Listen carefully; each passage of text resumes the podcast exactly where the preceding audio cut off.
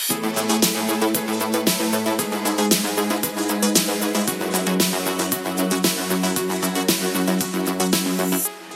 och välkommen till ytterligare ett avsnitt av podcasten här hos Popmusik. Jag heter Johan Alexed och tillsammans här i mitt eh, kök, mitt vardagsrum, så har jag Viktor Furbacken. Välkommen! Hej, tack så mycket. Viktor är just nu aktuell med singeln The Fire och att han släpper eh, sin tredje EP Flows den 8 mars. Så det ska vi prata lite grann om. Mm. Men vi börjar lite grann när vi ändå har en Göteborgspojk med oss här. Mm. Vad är det finaste med Göteborg? Det är kanske det här huset och det som är nästgård som du berättade om nyss. Ja, det, ja. Som kanske är eh, över hundra år gammalt. Mm. Stämmer det? Ja, mm. det är det. Så att det är magiskt hus verkligen. Mm. Högt i tak och stora fönster. Mm. Så det, är... det är jättefint här. Mm. Och, eh, jag gillar den här delen av Göteborg som, som har med arkitektur att göra. Och jag är lite nyfiken på historia också och då tycker jag det är kul eftersom jag inte jag är ingen riktig Göteborgspojk. Nej, var kommer du ifrån? Kommer du eh, det är svårt att säga men jag är född i Jönköping. Ah. Flyttat runt. Min mor är dock härifrån. Ah, okej. Okay. Så eh, jag har vissa rötter i Göteborg men det känns som att jag har lite att eh, leva upp till när det gäller att eh, förstå vad Göteborg handlar om. Vad är det som kan vara svårt med det, tycker du? Nej, men om man har bott länge i Göteborg så tror folk att man är göteborgare. Att man har gått på dagis här, att man eh, känner till alla kvarter och så. Mm. Så långt har jag inte kommit, även om jag har bott här länge. Jag flyttade hit 2001. Ja, okej. Okay, ja, det är snart 20 år. Ja. Så att, ja. Är... Säger man så så låter det, det förpliktigar. ja, jag flyttade hit 95 så att jag har haft några år till extra på mig att lära mig. Men, men eh, det är fortfarande ganska så här, man kommer till ett område och man bara, men här har jag aldrig varit. Mm. Kommer ihåg, vi gick en promenad runt Majerna för ett tag sedan och så sa jag till min sambo att vi ska gå här borta. Och han bara, varför då? För jag har aldrig varit där. Så vi måste gå dit och kolla. En hemlig gata. Ja, men lite så. Det är ju väldigt spännande. Jag tycker sånt är lite roligt. Speciellt när man är på, på semestrar i andra städer. Mm. Och så man bara, jag måste gå dit bort och titta för det verkar vara helt icke-turistigt. Det är fantastiskt. Ja, då måste jag berätta om en rolig idé som en kollega till mig fick, en gammal klasskompis. De turistade i andra städer mm. i Göteborg.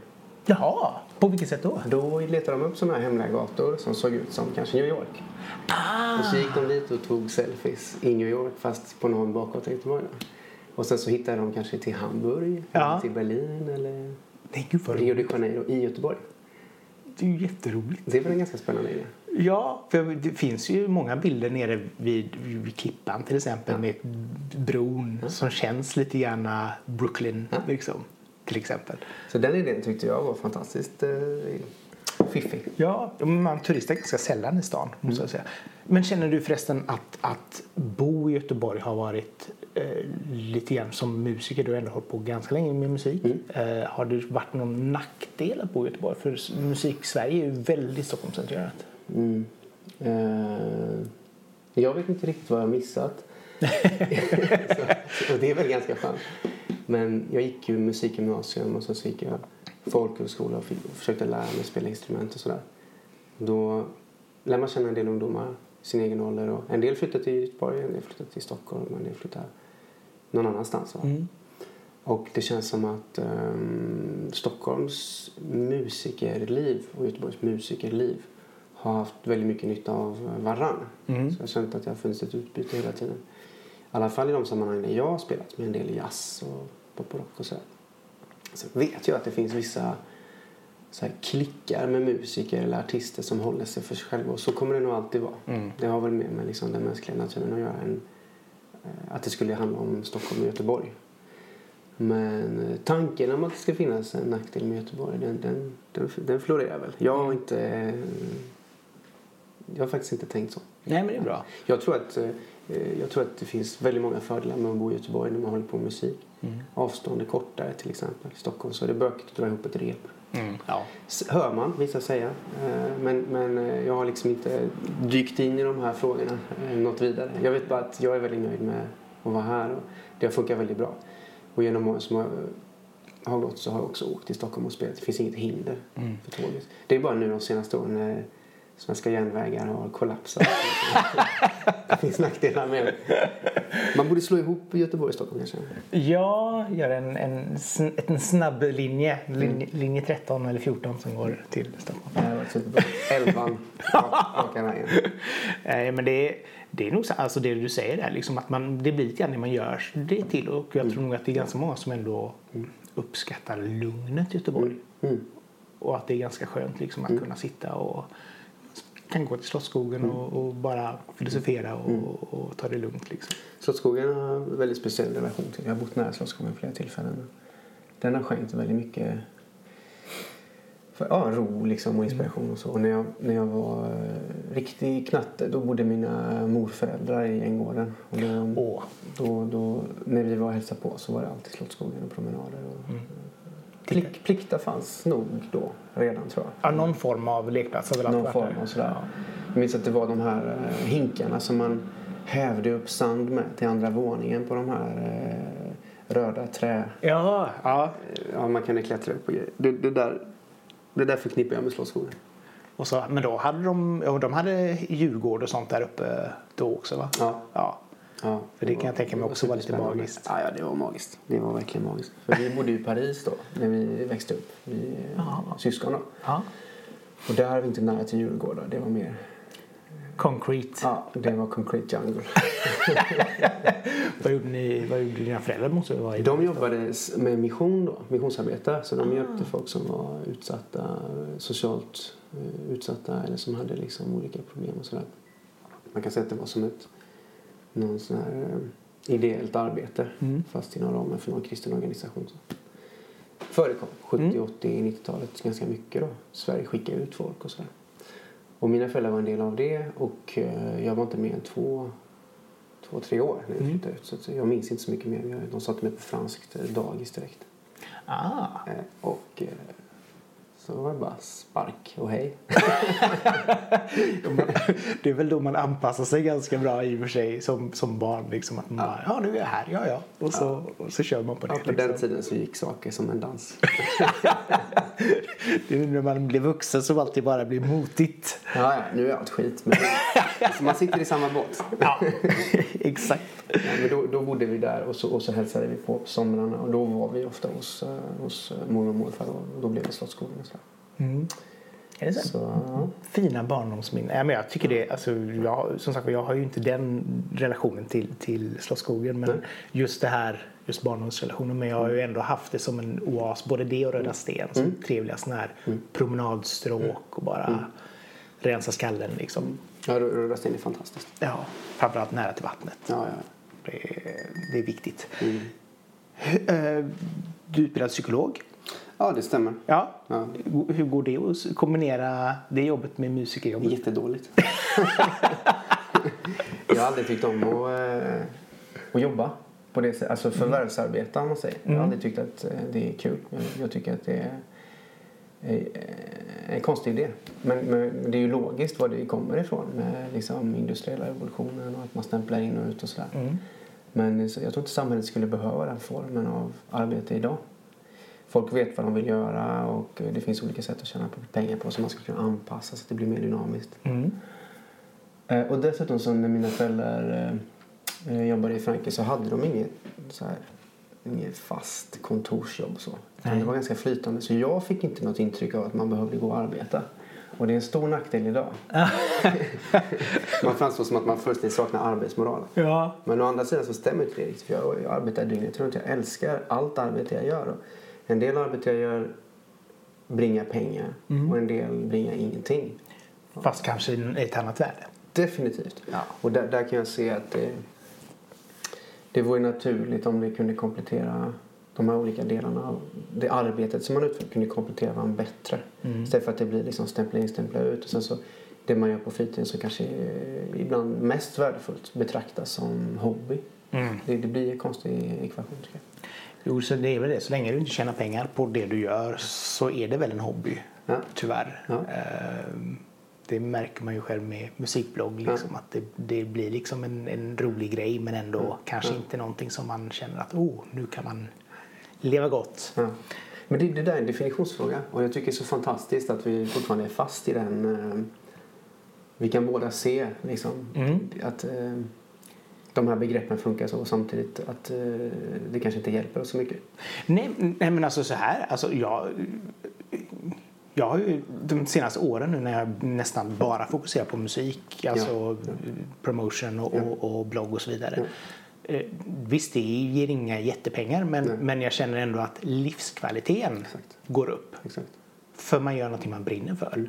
Och det är nästan viktigare. Och sen får man ju ha någonting kanske vid sidan om som gör att okej, det här kan jag ändå betala hyran med. Mm. Man kan andas, äta, sova. Ja, men lite så. För det är inte roligt med de här nätterna när man liksom bara sitter och bara har ångest över för, okej, hur ska den här månaden gå ihop? Nej, och det var väl en anledning till att jag utbildade mig till psykolog. Jag jobbade ju under ett, ett stort antal år som, som frilansmusiker då bara. Underbart, vilken frihetskänsla. Så mycket hamburgare, så mycket dåliga hotell. Perfekt liv va? Ja, jag, jag har aldrig liksom haft det så bra. Det var underbart. Men eh, ibland så vaknar jag upp med en konstig känsla och eh, efter ett tag när jag liksom pusslade ihop det här till, något, till någonting som, var, som jag kunde artikulera så, så, så, så kunde jag konstatera att det hade med otryggheten att göra. Att jag, är man frilans så vet man inte tre, fyra månader fram exakt hur det ska gå. Nej. Och det, ehm, det kan vara skönt att slippa den eh, oron. Mm. Och då så hoppade jag på en utbildning. Jag tänkte så här, "Ja, men jag läser väl en termin psykolog, det är för, för svårt för mig. Och jag har aldrig haft en femårsplan i mitt liv tidigare. Så det är ju som en fantasi. Men hoppa på så får vi se hur det går. Och sen så tiden bara gick. Och det var faktiskt en ganska tacksam kombination mellan eh, studierna och att vara ute och spela och turnera. Så att det, tiden gick fort och sen så plötsligt så var man legitimerad psykolog. Vilket känns jättekonstigt. Så nu har jag verkligen nytta av det. Det är mitt kontorsjobb. Mm. Och så kan jag gå hem och med gott samvete ägna mig åt det jag vill. Men det, och nu kan du kanske också planera din arbetstid mer efter Ja. det du ska göra med musiken också, kan Ja. jag tänka mig.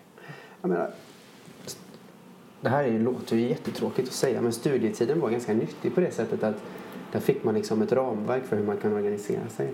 Så tack vare att jag var tvungen att organisera min tid för att kunna plugga och även nu när man jobbar med patientarbete och så så har jag lite bättre struktur på hemma då. Jag kan gå upp på morgonen och börja jobba med musik istället för att vänta på ja, inspiration vad man nu vill. Mm. Gamla klichéer. Jo, fast det, det är viktigt det också. Jag menar, Det var inte många år sedan som man kände att inspirationen kom alltid så här klockan 23. Mm.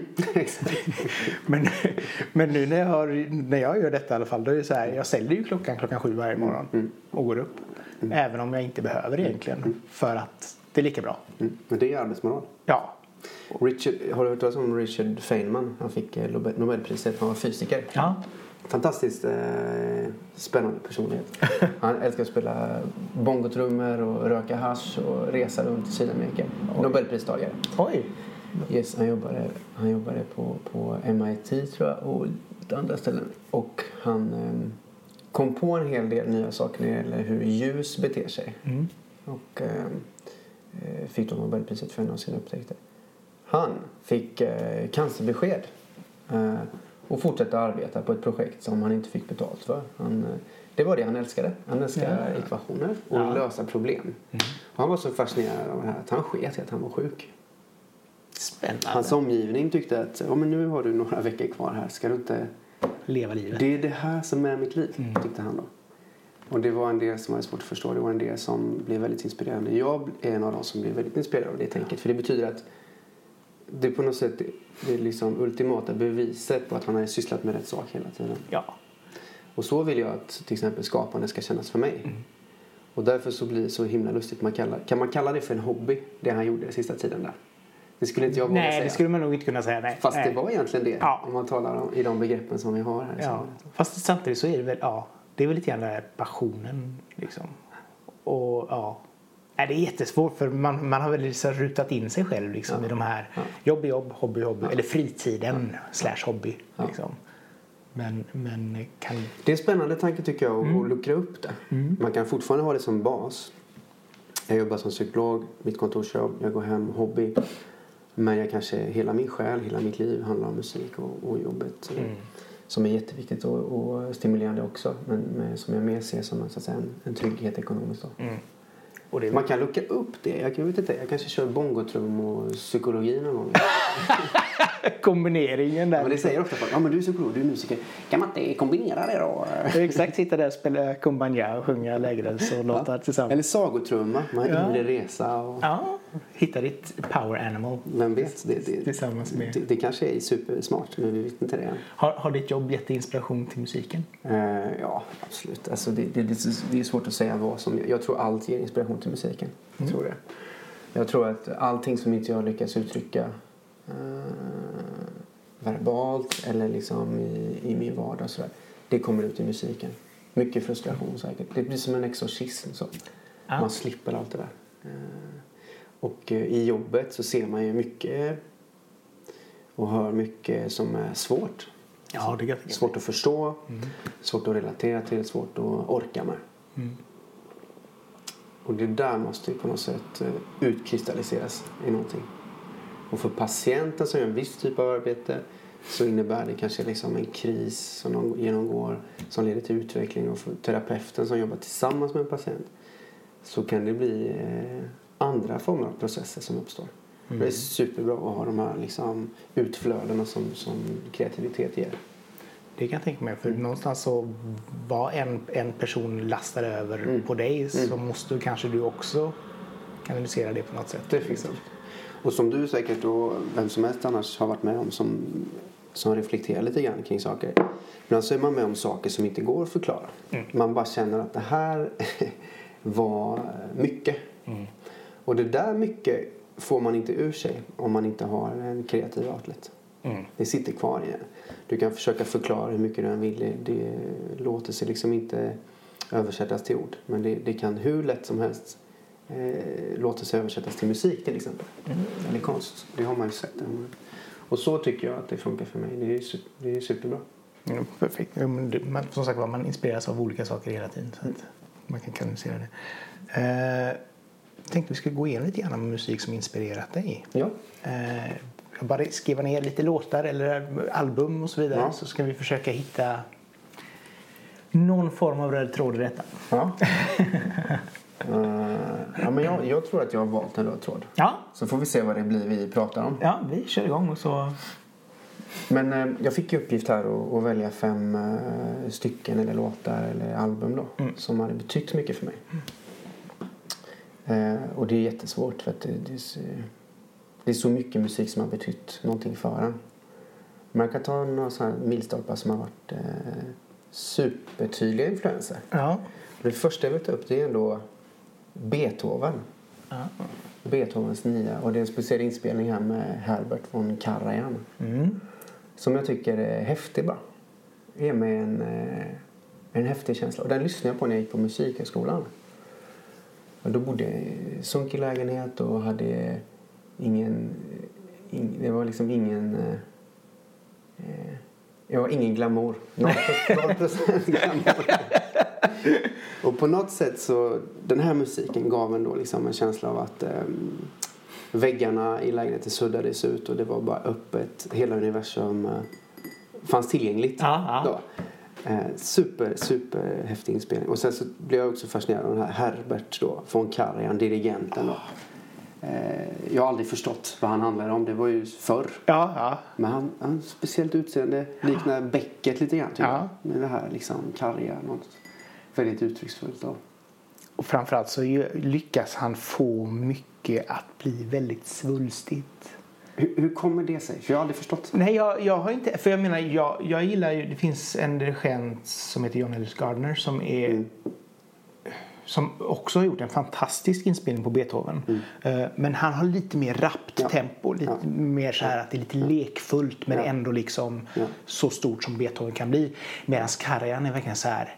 Man, man känner verkligen varje not som han tar fram liksom. Och jag vet att, jag tycker ju det är fantastiskt. Men jag vet att jag har pratat med klassiska musiker, folk som sitter i symfonin eller annat. Och de tycker, ja Karajan. Det är lite överdrivet då. Det är inte så, det anses inte vara, av vissa då. Det är inte lika fint. Nej, det anses inte vara, det är lite, det, det är lite fint att inte vara för känslomässig. Mm. Har jag hört. Ja. Och då känner jag så här, ja, kanske vissa dagar. jag vill inte bestämma mig för det. Utan jag, ibland så vill jag känna att väggarna suddas ut. Ja. Och att man har den här, när man inte har eh, det materiellt kanske. Så kan vara. så, så behöver man musiken som fyller det. Men sedan så är ju alltså hela nionde symfonin, framförallt då Mm. fjärde satsen, liksom, det är ju så otroligt mäktigt liksom, och, och vackert och pampigt och allt. Liksom. Han har verkligen lyckats få ner allt i en och samma stycke. Det är Liksom. obeskrivligt. Det är obeskrivligt. Och han var på väg att bli döv då också. Va? Ja. Vilket eh, är helt Jag tror till och med han var döv då. Han kanske redan var döv. Alltså det var verkligen så här Mm. på gränsen har jag för mig liksom, att det var där då. Mm. Och jag vet ju också att han gör ju otroligt svåra Mm. sångstycken. Lite grann som Mm. en hämnd mot hela världen att han var döv. Har jag läst om. Så att jag, men, men ja, inte, Alltså lite för att jävlas. ja men lite så. Alltså, det skulle vara väl, att det ska vara väldigt svårt att sjunga hans stycke liksom. Bara för att ja, jag ska minsann ge dem.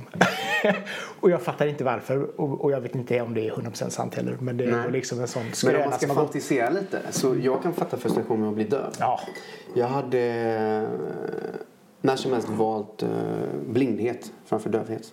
ja okej. Varför det? Vad händer med musiken om man blir döv? Det blir jättesvårt. Ja, du kan ju bara känna den. Ja, exakt. Och då blir det ju techno hela vägen. Inget ont om techno, men det blir liksom så ensidigt. Ja, jo, det är Barock kanske har väl det här stampet Ja, också. ja. Men det, det känns lite smalt. Sant. Det är lite svårare med gitarr. Ja, Sing-songwriter. ja precis. Och, ja. Ja, det är mycket som blir svårt om man är döv. Men Ja. om man är blind, det är ju nästan coolt alltså. Ray Charles. Ja. Och ja, Jag läste nyligen Stevie Wonder. Ja, Stevie Wonder. Men han var inte helt blind. Han, nej. han, han, han kanske är det nu, men, men när han var ung så var han inte det. Men han såg... Eh, han tyckte att eh, det inte såg så bra ut. Att hans, hans ögon inte... nej. Så han, han gillar, och solbrillor är ju det coolaste som finns. Så det, han har helt rätt. Han, har, han är en av de få personer i- på jorden som har 100% rätt. Stevie Wonder tycker jag. Det är få personer som klarar av att bära upp solbriller, speciellt inomhus. Det har man ju sett på... Och försökt. Nej, det har jag faktiskt inte gjort, men det har man har ändå sett det när man varit ute ibland. Liksom. Och Man bara, nej. Så var vi på någon förhandsvisning av en film och så var Will Smith där i solbriller. Ja. Och det var liksom så här, ja, men du klarar av det. Men alla andra var bara, nej. Sitter det bara i huvudet? Eller? Det måste vara det, men samtidigt så här, man måste ändå ha någon form av pondus liksom. Går du där i din laxfärgade skjorta och bakåt slick så är kanske inte solglasögon Det det. finns olika former av pondus då. ja, det måste vara det. Så att det, ja. Men ja, Det var, det var, det var ett exempel. första i alla fall. Ja, Jag ja. kan ta en till då så ser vi. Vi tar en till. Vi tar en till på samma tema. Jag gillar eh, polis. Ah, Sting-fan. Mm. Inte Sting-fan främst, utan polis eh, grep tag i mig på grund av eh, gitarrljudet. Ja, ja. Och trumspelet, Stuart Copeland. Så fantastisk trumslagare. Alltid lite framåt, alltid hungrig, jävligt förbannad. De hatar ju varandra, han och Sting. Jaha, det visste jag faktiskt inte. Jo, han skrev, när han spelade live så han skrivit på sina pukskinn då. Ja, Fuck off och sånt. Så slog han hårt så. Att han, cool. de kunde inte slåss på scen men de slogs ofta eh, utanför scen. Oj. De var såna riktiga hungriga, unga, styva killar. Ja. Och eh, det är ingenting som jag beundrar. Jag tyckte bara att det var skoj liksom. Eh, Jag är ingen Sting-fan. Jag har inte följt honom på det sättet. Nej. Däremot så fanns det någon, någon häftig hunger i polis. De ville någonstans och det, det, det har liksom ingenting att göra med att de var killar eller unga eller de var hungriga på något. Ja. Det kan man plocka upp. Och det, började med punkvågen och det var det som gällde. Och väldigt snabbt så hittade de ett annat sound. Mm. Och den metamorfosen tyckte jag var spännande mot reggae och sen Mm. pop och väldigt snabb liksom, process. Men hela tiden det här trumspelet då som, som är så fantastiskt som driver. Och den skivan som jag tycker är mest fantastisk det är den här Ghost in the Machine Ja. med de röda siffrorna. Mm. Så otroligt bra sound och det är tungt, det är mörkt. Mm. Och samtidigt så är det lite så här... eh, Jag har aldrig riktigt kommit in i Sting. Nej. Eh, eller Sting, polis förlåt. Polis, nej. Eh, Ja, för mig är det jättestor skillnad. Alltså. Ja, är- jo nej men det, det kan jag tänka mig. Ja, För. Sting känns väl lite mer så här lite, alltså visst, kanske mesigare Mm, än vad Police var. Mm. Helt annan grej. Liksom. Ja. Helt annan grej. Eh, sedan så har väl han kanske gjort en hel del riktigt, som jag tycker är en hel del bra hits. Fizz Ja. of Gold och så vidare. Ja. Alltså, Ja. Lose My Faith in You och så vidare. Ja, ja det är fantastiska låtar. Han är ju otroligt skriven. Ja, men, men jag kan tänka mig att Police var mer, som du säger, new age. Mm, mm. Eller new wave. Mm, eh, mm. Alltså den här eh, ja, Den progressiva Mm. delen på början på 80-talet. Mm, specials liksom. Ja. Att- Nej men de, eh, de, de var, och eh, när jag var, eh, jag började samla på mig skivor som väldigt sent i livet. Ja. Min, min mamma sjöng och hon med klassiskt utbildad sjöng i kyrkan och gospel och hej och. Jag tyckte att det var hennes grej med musik. Jag tyckte det var väldigt skämmigt med musik. Det, det är abstrakt. Det är lite, jag var väldigt mer, väldigt mycket mer så pragmatisk, down to earth person som, som kid. Ja. Åkte rullskridskor och skateboard och det var, det var mer liksom Mm. så. Och sen... Eh, eh, så, så, så, så, det, det, det, liksom, det hela innebar att jag började sent själv med musik. Jag hade inga skivor. Jag hade liksom, började spela in kassetter. Jag fick smak för att lyssna på radio. Det fanns det bra rockradioprogram där. Ja. Som spelade hits. Liksom, långt innan det blev så himla mycket reklam. Så. så jag spelade in kassettband. Men skivor hade en kompis till mig. Mm. Han skivor, och då hade han bland annat den här skivan då med Polis. Och eh, han hade en Greatest Hits-skiva med Polis där de såg så coola ut. Ja, där det. hade de Ja. solbrillor. Du Ja, kommer ihåg det. den? Ja. Och då kändes det att ah, det här måste jag lyssna på. Och upptäckte jag då den här uh, Ghost in the Machine via det. Ah. Så det finns liksom, den, har, den, den fanns med tidigt. Det var en av de tidigaste skivorna som jag kände att det här är ett riktigt bra rockband. Men vad var det som fick dig att komma in i musiken då om du kände att det kanske inte riktigt var din grej från Det är början? faktiskt en, en, eh, spännande fråga. Jag vet inte riktigt om eh, det är sanning det jag säger nu men jag, jag eftersträvar ändå. Jag gräver efter det. Då, det var så här att jag eh, åkte mycket rullskridskor och sen så fick jag ont i knäna när jag var i 12-13 års ålder. Ah, okej. Och så sa läkaren då att ja, men det här, du har något fel på knäna. Jag fick inte reda på vad det var. Antagligen så var det väl bara växtverk men han skrämde upp mig. och så här, du ska nog inte cykla eller göra sådana grejer för mycket så. Ja, okej. Ja, fan, okej. Och då så hade vi gitarr hemma så jag lånade den. Mm. Och eh, farsan hade försökt få mig att börja spela gitarr. Och det tyckte, jag ville liksom inte ta emot den gåvan. Äh. Utan jag, jag lånade gitarren och så gömde jag mig så la jag en madrass mot dörren. För att de inte skulle upptäcka att jag hade krypt i korset då. Ah. Och så lånade jag den så började jag pilla så här. Så, för att eh, det var det enda alternativet liksom, till, att, till att idrotta helt enkelt. Så, så, att jag fick ju hitta på något annat. Så då, då upptäckte jag det här med gitarren och så radion. Så hade jag min kassett och spelade in då. Som alla gjorde det på den tiden. Men jag spelade in från radio. Försökte tajma då så att man... Där kom introt och så spelade Ja. man in och blandband och så gitarren. Fullt, jag var fullständigt tondöv. Jag kunde liksom inte återskapa de här grejerna. Nej. Och jag blir alltid tveksam när folk säger, jag har en kollega på jobbet som sa igår att han var omusikalisk. Jag, jag kan alltid känna att jag vill ifrågasätta det. För jag tror att det är som ett, om man går förbi ett hörn. Det är egentligen så är man musikalisk om man tycker om musik. För du måste ju ändå ha någon form av alltså, musikalisk rytm i dig i och med att du är basist liksom också. Jag vet inte. Det har väl också- Folk säger det. Nej, men det, som sagt det, det, det blir ju ändå någon form, alltså, det är kanske inte melodierna men där har du ändå den biten. Jag liksom, har jobbat grunden. mycket med rytm. Det är liksom, Ja. Man ska inte kokettera. Men jag har jobbat jättemycket med rytm och jag älskar trummor. Det är det mest fascinerande för mig. Rytm är det mest fascinerande. Det är ju liksom ramen för all musik. Och jag älskar att spela med trummisar och det var nog därför som det blev liksom eh, bas för mig. För mig. Mm. Och jag älskar att jobba med det. Det, det kommer jag aldrig sluta med. Okej, Ja, det, Men, men, men liksom svaret på din fråga var att jag, det, det var en slump lite grann. Det var, jag fick ont i knäna så började jag spela musik. Och gömde mig först. Skämdes jättemycket för det var ju morsans grej. ja, lite gitarr men jag hittade inte så till slut fick jag gå tillbaka till farsan. Fan kan du visa mig? Okej då och så köpte vi en elgitarr och en förstärkare och sen så var det liksom. Så... Så, så när vi flyttade till Sverige då, vi flyttade 95 flyttade vi hem till Sverige. Ah, okej. Och då började jag på musikgymnasium efter det. Då, så. Mm. Och sen så följde jag bara efter polarna för jag visste inte vart jag var på väg i livet. Ja, ja, de söker folkhögskola, då gör jag väl det. Ja, ja, musikhögskolan, då gör jag väl det. Ah. Jag ville nog mest ha gemenskapen. Och det är ju det musik handlar om, alltså när man jobbar som musiker. Ja, ja, absolut. Framförallt om man har en grupp och så vidare. Och sen också få hjälp av folk på scenen och så vidare. Så Ja, att- ja nej, det är underbart. Världens bästa jobb. Världens bästa obetalda jobb. Ja, exakt. Passion. Ja. Eh, efter polis, som uppenbarligen öppnar en del dörrar, Mm. så tar vi oss till...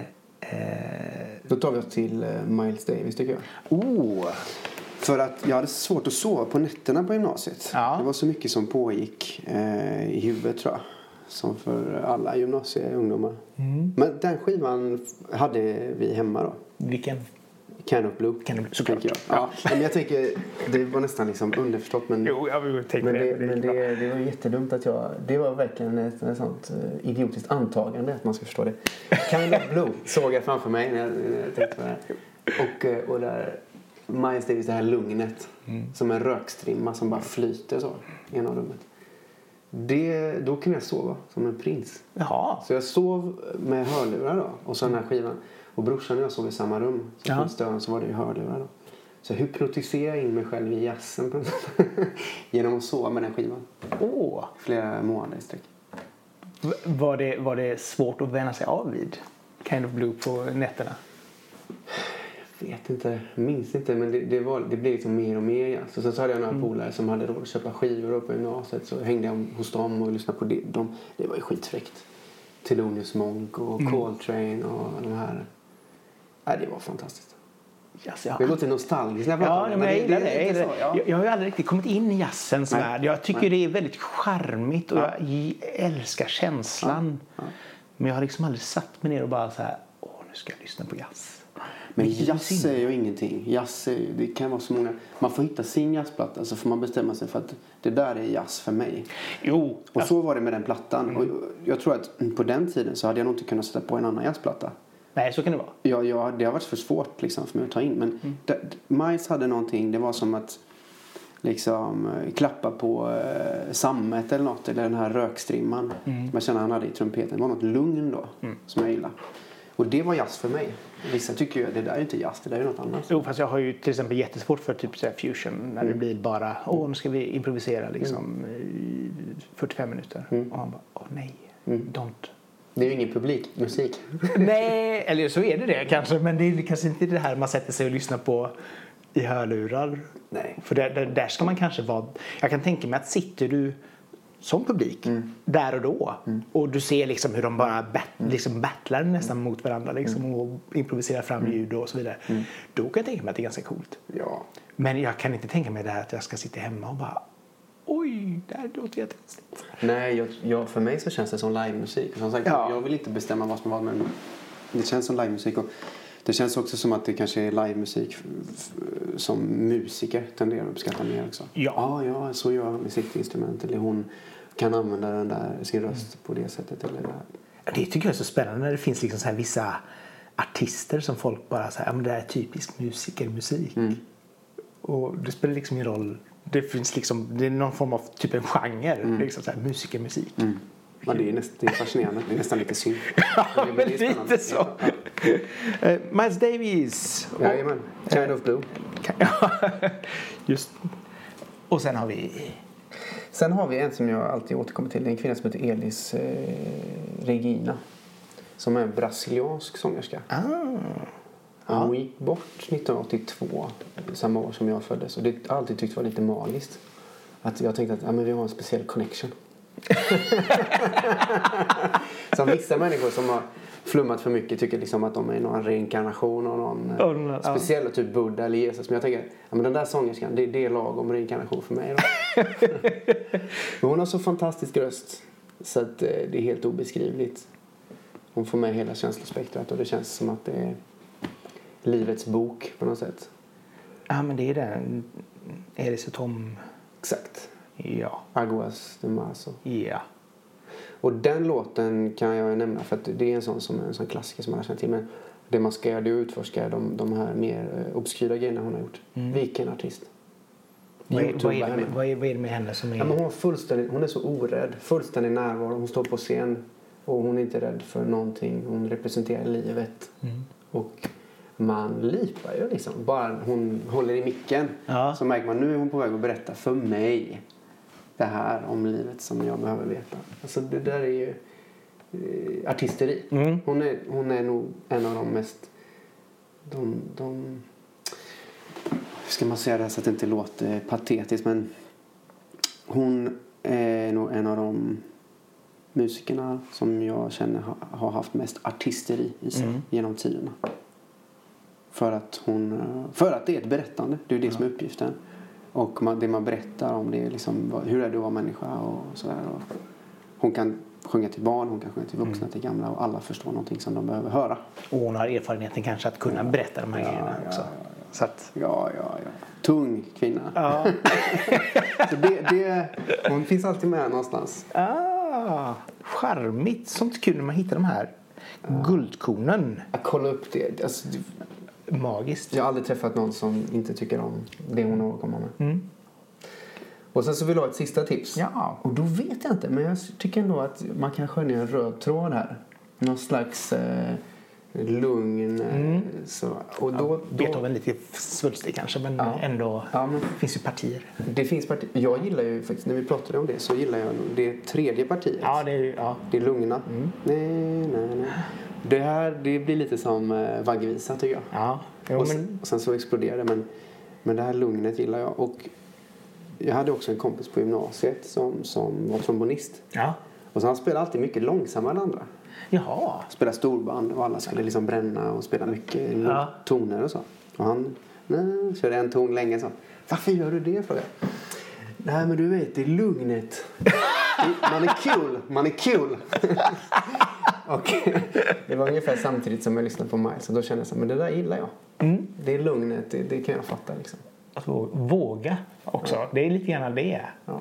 Verkligen, verkligen. Bara stå still. Ja, ja men liksom lite ex- exakt det här att man alltid ska ruscha så att det ska liksom så här, det ska komma framåt. Just det här.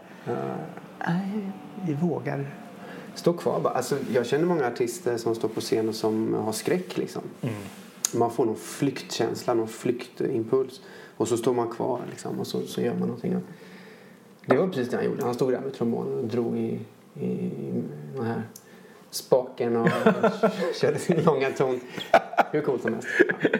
Så att, eh, på det temat så, så vill jag ta upp eh, en gubbe till. Det känns Ja. så tråkigt men Glenn, Glenn Gould. Ja. Mm. Goldberg-variationerna. Ja. Och då spelar jag ju in sin, här, sitt ungdomsverk jättesnabbt och smart och matematiskt. Men jag gillar, det är väl den eh, som han spelade in på 50-talet då. Sen spelade han in den på 80-talet igen, ja, just det. när han var gammal. Och de, eh, de gillar jag särskilt mycket för att där finns någon slags upp, härlig uppgivenhet. Bara det blev lite livet, har roligare så här. förbi, livet har gått förbi och ja, okej nu kan jag spela så som de tyckte att man ska spela. Ja. Och han gör det väldigt bra och det är lugnt och fint. Och han var en otroligt rastlös själv. Otroligt orolig och mycket, mycket spännande mörker i den människan. Och det känns som att här har han ändå liksom satt ihop det till någon härlig helhet. Ha, lyckas han lugna sig så kan vem som helst lugna sig. det är den inspelningen för mig. Jag vet ju när jag jobbade på skivhugget att, att Glenn Goulds inspelningar var väldigt populära. Och det var en sån som... Ja. Han var väldigt aktad Ja. i den kretsen. Ja, Liksom. och det är totalt kliché att jag tar upp det. Men, Nej, men jag tycker det är väldigt- det, får bli den röda tråden. Ja, och jag, jag menar som sagt man hittar ju alltid saker i musik och det som sägs. När de säger någonting så har man alltid någon relation till det. Ja. Och i det här fallet så känner jag liksom att ja men som sagt man var inne på klassiska avdelningen och bara oh Glenn Gould, bla bla. Man, det är det man, mitt stora minne av honom. Liksom. Ja. Ja, nej, det är Eh. fantastiskt spännande person. Och hade du intervjuat mig någon annan gång så hade vi kört hiphop. Så det, är liksom det, är det här betyder inte att det är jag, men, men idag, ja. Ja, nej, men det är bra. Det är bra, bra variation. Saknar du livet som ett helt band? Nej, för jag spelar i helt band. Liksom. Ja. Jag, jag har aldrig, eh, aldrig egentligen aldrig gjort några större förändringar i mitt musicerande utan liksom väljer och vrakar bland det som finns och erbjuds. Och försöker hitta någonting som känns utvecklande för tillfället. Det är min röda tråd. För att eh, jag vill hålla på med musik hela livet. Mm. Och jag tror att det bästa sättet är att syssla med det som man eh, stimuleras av. Och det, alltså det som man utvecklas av för tillfället. Mm. Alltså man kan bli riktigt bra på en sak och sen göra samma sak hela tiden. Jag har hittat den här tonen. Eh, det är min. Jag kör, eh, eh, jag kör den hela tiden. Ja. Jag är bäst på det. Visst, bra. Men så jobbar inte jag. Utan jag vill hitta nya grejer. Jag vill hitta den här hemliga gränden som vi pratade om förut. Ja. Och eh, så ibland så behöver man förändring och då gör man något nytt. Och nu jobbar jag med mitt egna projekt och det är en sån typ av förändring. Jag vill ge mig själv en utmaning och skriva och göra färdigt låtar och så här på egen hand. Vilket är helt nytt. Mm.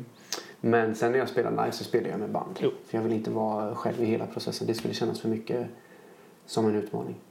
Men får du, har du hjälp och sånt när du skriver eller när du gör, spelar in och så vidare? Så, Nej, då, jag, successivt så har jag gjort mer och mer själv. Nu gör jag allting själv. Ja, Från att idén kommer till att man kan lyssna på det. och det är, är jättesvårt. det kan jag tänka mig. Super mega ångest. Undrar om det här låter bra. Vad tycker jag? jo, det- jo. Ja, men, ja precis. Det är ju det. Och, eh, och jättekonstiga frågor som låter det här som en skiva? Ja, jag tycker det. Mm, nej, inte idag. Och det blir liksom så här. Och till slut så får man liksom bara kasta sig ut och chansa på att eh, ja, men, jag skriver ändå musik som jag skulle vilja lyssna på. Det, det, det är så eh, jag, jag guidas fram då. Okej, men det här, det, det här låter som någonting som jag skulle vilja lyssna på. Och då hoppas jag att det finns en eller två personer som också kan känna så om låten. Och så får man släppa det då. Och sen så får man ut och spela och så får man testa Sina vingar liksom. Men, men eh, det är skitsvårt att vara själv och det, det är därför jag vill testa det. Men man vill inte vara helt själv i det för att då tappar man den här gemenskapen som är själva anledningen till att jag håller på med musik. Jo, samtidigt så blir det väl kanske... Visst, det går ju att köra akustiskt eh, avskalat. Bara du och en pall och en gitarr. Men, Vilket jag gör ibland men Ja. jag vill inte bara göra det. nej, men det, som sagt, det kan ju också vara kul som sagt, att ha folk runt sig och göra lite större arr på Ja. det du har skapat. Liksom. Ja, ja. Och man vill ha kompisar, man vill ha kul. Och det, det är det som är hela grejen. Musik är ju kommunikation och Ja. är man för mycket själv så det är bara vissa genier som klarar det. Ja, och samtidigt vill man ju ha någon att ta den här ölen med efteråt om Ja. det skulle vara det. Eller Ja. drickan eller vad det må vara. Ja, Liksom. ja, ja, men det är livs, livsviktigt. Ja, ja, absolut. Men det kommer komma tredje EP nu. Ja. Eh, Flows. Flows. Namnet, vad känner du? Flows. Alltså, den första titelspåret då som kommer med den här EPn heter Flows. Och det är ett flöde. Det är alltså... Den texten tar, eh, försöker ta och lyssna igenom ett, ett flöde av händelser som man kan tycka är lösryckta och eh, splittrade. Men eh, jag, jag känner det hela som en helhet. Alla de här bilderna representerar hur livet kan te sig som random. Men, men det finns ett mönster. Alltså liv uppstår inte ur ingenting. Nej. Och olyckor uppstår inte ur ingenting. Och det är det som är flowet. Ska man säga. Det är det som är flows. Och det kan finnas flera olika flow. Flows. Har det någon, det är nästan lite religiös tänk, tanke där nästan. Ja, eh, i alla fall andligt. Ja. Re- Religiöst, Ja, då tänker jag liksom Mm. organiserad religion. Som är. Andligt, definitivt. Mm. 100 procent. Ja, det tilltalade mig det som du sa där. Vad kul. Ja, nej, men, och så gillar jag också att det ändå är ett tema i dina titlar överlag. Ja. För jag menar, du sätter ihop In the rain the river flows. Ja. Du kom på det? Ja. Ja, men det, det, så kan man se det. Det finns en tanke med det. Det ska hänga ihop och eh, eh, utan att man behöver liksom gå in mer i det så, så tycker jag att det återspeglar hur saker hänger ihop i livet. Men det har också med att alla omslag har samma mall. Från första singeln till nu.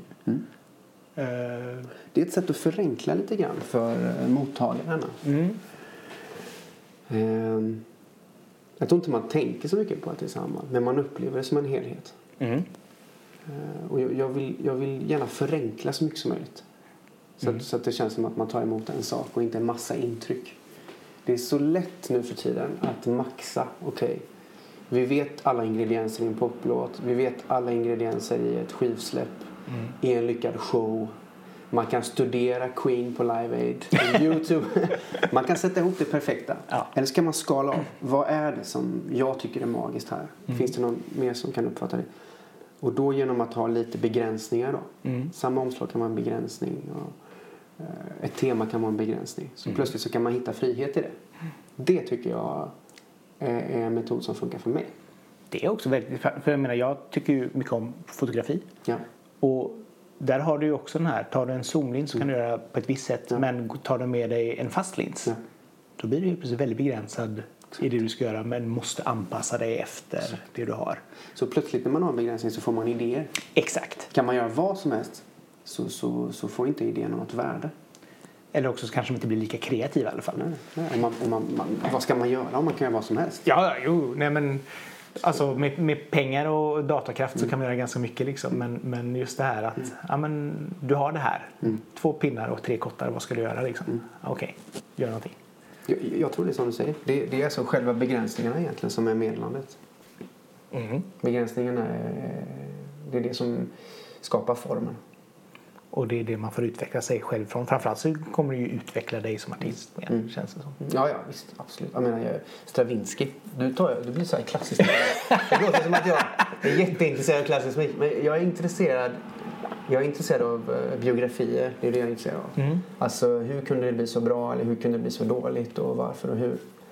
Eh, kring kring eh, folks verk eller folks liv. Stravinsky är otroligt begåvad, vet man ju. Spelar ingen roll om man har lyssnat eller inte. Man vet ju. Ja. Duktig tonsättare.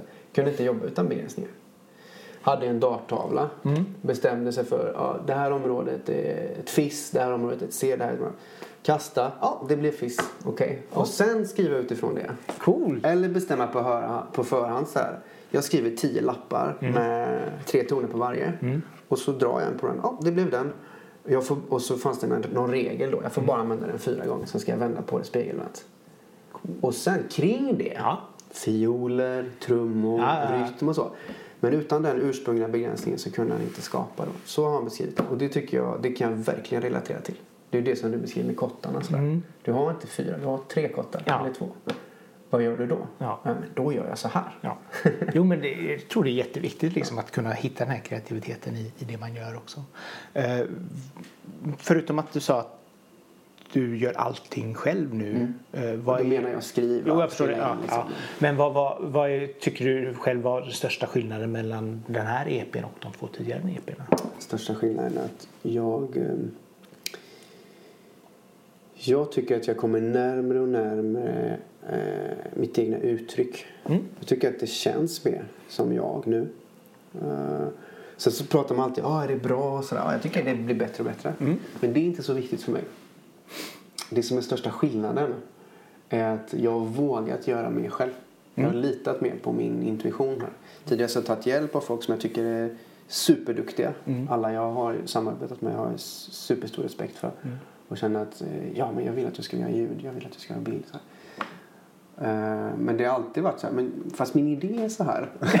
och då, har de, då har de sagt så här, men du, dina idéer är bra. Ska du inte bara släppa det så som det är? Nej, men det kan jag inte göra. Och, eh, och det har successivt vuxit fram. Och på den här sista epen så har jag vågat göra mycket, mycket mer själv. Mer självsäker? Ja. Den här gången ja, alltså. ja. Men, men, men inte så att det känns lätt. Utan det, Nej, det jag, jag har nog varit modigare kanske. Mm, ja. Det har varit mer, mer eh, det har varit läskigare. Men, men, men jag är nöjd med det. Annars hade jag kanske inte släppt det. Nej, men, men det är väl också en utveckling liksom, som artist. För jag menar, nu har du ändå soloartisten om man säger. Ja. Viktor har ju funnits nu i snart fem år. Mm. Tre och ett halvt i alla fall. Ja, 2015 kommer första. Ja.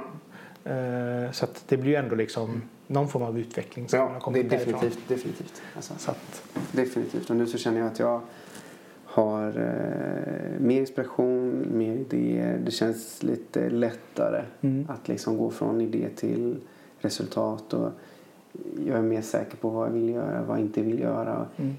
Målet med det här projektet, det här är liksom ett, ett spår i, Ja. i min musik, liksom, med soloprojektet. Målet det har varit att förenkla så mycket som det går. Hur Mm. mycket kan man förenkla? Och det känns som att jag förenklar mer och mer och då, då, då är jag nöjd. Men det blir ju svårare och svårare. Fast det betyder ju, för enkelhet be- behöver ju inte betyda att det låter avskalat eller Nej. sådär. Nej. Eh, utan det kan ju som sagt bara betyda att ja, men du har hittat snabbaste vägen från punkt A till B. Ja. Eller kanske till det och som tillägg bara snabbaste vägen från eh, in i den känslan Ja. som jag vill ha. Jag vill, att, jag vill gärna att lyssnaren ska känna att ah, det är så här det känns i den här Mm. låten. Och eh, vad är snabbaste vägen in? Så. Ja. Jo, men det är lite som Bill Gates sa. Man ska ta en lat person och göra ett viktigt jobb för då blir det gjort snabbt. Och jag är den lataste. Jag sa det. Ingen arbetsmoral. Nej, men det, eh, f- som sagt, för nu, nu vet jag ju i och för sig att du, Mm. du studerar ganska mycket efter 20, den första EPn. Mm. Jag förstår. Eh, men det har ändå liksom så här två EPs på ett, mer eller mindre ett år Mm, precis. nu. Eh, känner du att det här är en bra Det här är takt? lagom, det här är lagom liksom? tempo. Ja. Första EPn då, då jobbade jag med ett skivbolag som inte gick så bra. Och eh, det blev liksom att jag eh, eh, försökte lösgöra mig från den processen. Mm. Jag, jag, tyckte det var skitkul att jobba med ett skivbolag och den uppmuntran som man får, att folk tror på en så här. Men så kände jag att eh, det fanns både för och nackdelar och så började jag jobba. Och de två sakerna gjorde att det dröjde fram till nästa EP. Jag var tvungen att hitta, jag- jag bestämde mig dels för att hitta en egen form. Ja, jag vill göra det här själv liksom, istället. Eh, och eh, skriva på nästa EP. Och samtidigt så jobbar jag eh, jättemycket som psykolog då. Och eh, jättehäftig erfarenhet. Så där visste jag inte vad jag skulle satsa på Nej. under ett och ett halvt års tid. Och sen så kände jag så här, men det här spåret är kul, jag vill göra det. Och så spelade jag en del live och så fick jag en känsla för att det här, eh, det här är det mest utvecklande just nu. Och då i den så avvecklar jag en del musikersamarbeten och så för att ge plats åt skapandet och så. Och det här var en superkomplex process i mitt huvud och känslomässigt. Men det har mynnat ut i att jag gör lite mer av det här skolprojektet nu. Mm. Och så jobbar jag lite grann som psykolog. Eh, och så ger jag plats åt mitt liksom, musikerskap. På söndag ska jag in i en studio och spela in bakgrundsmusik till. Och det, det är också jobb då liksom. Kul. Eh, Så du, du har en hel del sådana här extra alltså frilansjobb fortfarande också? Ja, precis. Och det, det, um, under flera år så tackade jag nej till en, en del frilansjobb för att jag kände att eh, det fanns inte tid och energi liksom att göra allt. Men jag älskar det. Jag älskar att vara en arbetare. Mm. Så att man, här är noterna, tystnadtagning och eh, jag tycker jag passar till det. Mm. Jag vill inte förlora den rollen. Och ibland när jag håller på med mitt egna kreativa så känns det som att man hamnar i en bubbla där man riskerar liksom att Eh, där har jag absolut inte den rollen. Där måste jag vara ansvarig och skapa från grunden. Men du vet att komma in från sidan som basist, låten är klar, vi ska göra musik, okej. Kan man göra någonting som lyfter det? Ja men om det svänger så blir det ju ännu bättre. Så skjuter man in sitt lilla från sidan. Eh, En fin roll. Ja. Alltså som assistent. det gillar jag. Ja, men fasen, då, alltså kan du lägga din prägel på någonting som någon annan har skapat så är det väl bara fint liksom. Det är en jättefin roll tycker jag. Att, och framförallt så är det väl tacksamt att få den, det förtroendet. Ja, super, superkul. Och mu- musiker, musikerrollen där är, är jätteviktig för mig. vill jag inte förlora. Artist är någonting som jag nästan inte kan identifiera mig med. Nej. Jag kan, jag kan göra en konsert och jag, jag eh, älskar att att vara tillsammans med publik och, och interagera. Liksom inte så, men mitt främsta kall är inte stå där och visa hej, titta på mig. Nej, okej. Utan det är att befinna mig i berättandet. Ja. Och det kan man göra på en skiva, man kan göra det live, man kan göra det i en studio. Så länge de här tonerna som man spelar eh, når någon så, så är man i det. Det är lite grann det där nö- nödvändiga ontet att, att eh, faktiskt vara artist också. Nästan så. Det Men- blir nästan ett öde. Ja. Men jag skulle liksom kunna mm, skapa musik på ett sätt där folk lyssnar och hör att ah, det här är väldigt bra musik. Vem är han? Är han musiker? Är han producent? Är han artist? Vi vet inte. Men musiken gillar jag. Mm. Det gillar jag. Det är mindre fokus på mig än på själva musiken. Mm. Ja, men det är väl det som är, och det är väl kanske det som är ganska skönt också i dagens musiksamhälle där du kan släppa ut det på Spotify Ja. direkt och, och göra lite push på Facebook och Ja. folk ändå hör det. Ja. Eh, det här att det är musiken man hör i första hand för du ser bara ett litet omslag och i ditt fall så är det en skog liksom. Exakt, du ser inte ens mitt ansikte. Om du har tur så ser du inte ens mitt ansikte. Nej men så att då blir det ju liksom så här, ja, man kan vara ganska anonym som artist också även om man ändå kan synas liksom. När man sådär. Och framförallt kanske nå dem som, eh, som skulle gilla det man gör. Ja. Det är ju målet. Är det svårt att få spelningar tycker du? Eller är det... Jag vet inte. Jag har alltid fått uh, förfrågningar och så har man valt utifrån det. Då. Ja, men det är bra. Det knepiga är väl att man är bortskämd när man jobbat som musiker så får du betalt. Det är ju ingen som ringer och säger du hej, här spelningen, vill du spela gratis? Nej tack. Du, får- du får en öl och Ja. lite mat. Men när man är artist plötsligt och eh, man syns lite mer än Ja. när man är musiker. Då ringer folk och säger hej du, vill du spela på den här grejen? Det är ju inget betalt men och då blir det så här, jaha, ska man göra det? Varför då? Det är ju inget jättesvårt att relatera till. Så att jag har tackat nej till väldigt mycket saker och, och eh, inser att eh, det är helt olika saker att vara artist och eh, vara musiker.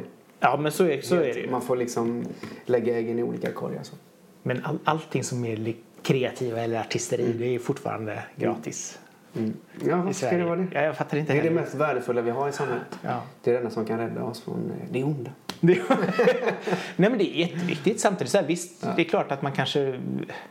Ja, vi kan lika gärna sätta på en Spotify-spellista som att ha det här. Absolut. Men förhoppningsvis, du hör ju av dig till mig för att du ändå känner att det finns ett värde i att ha mig där.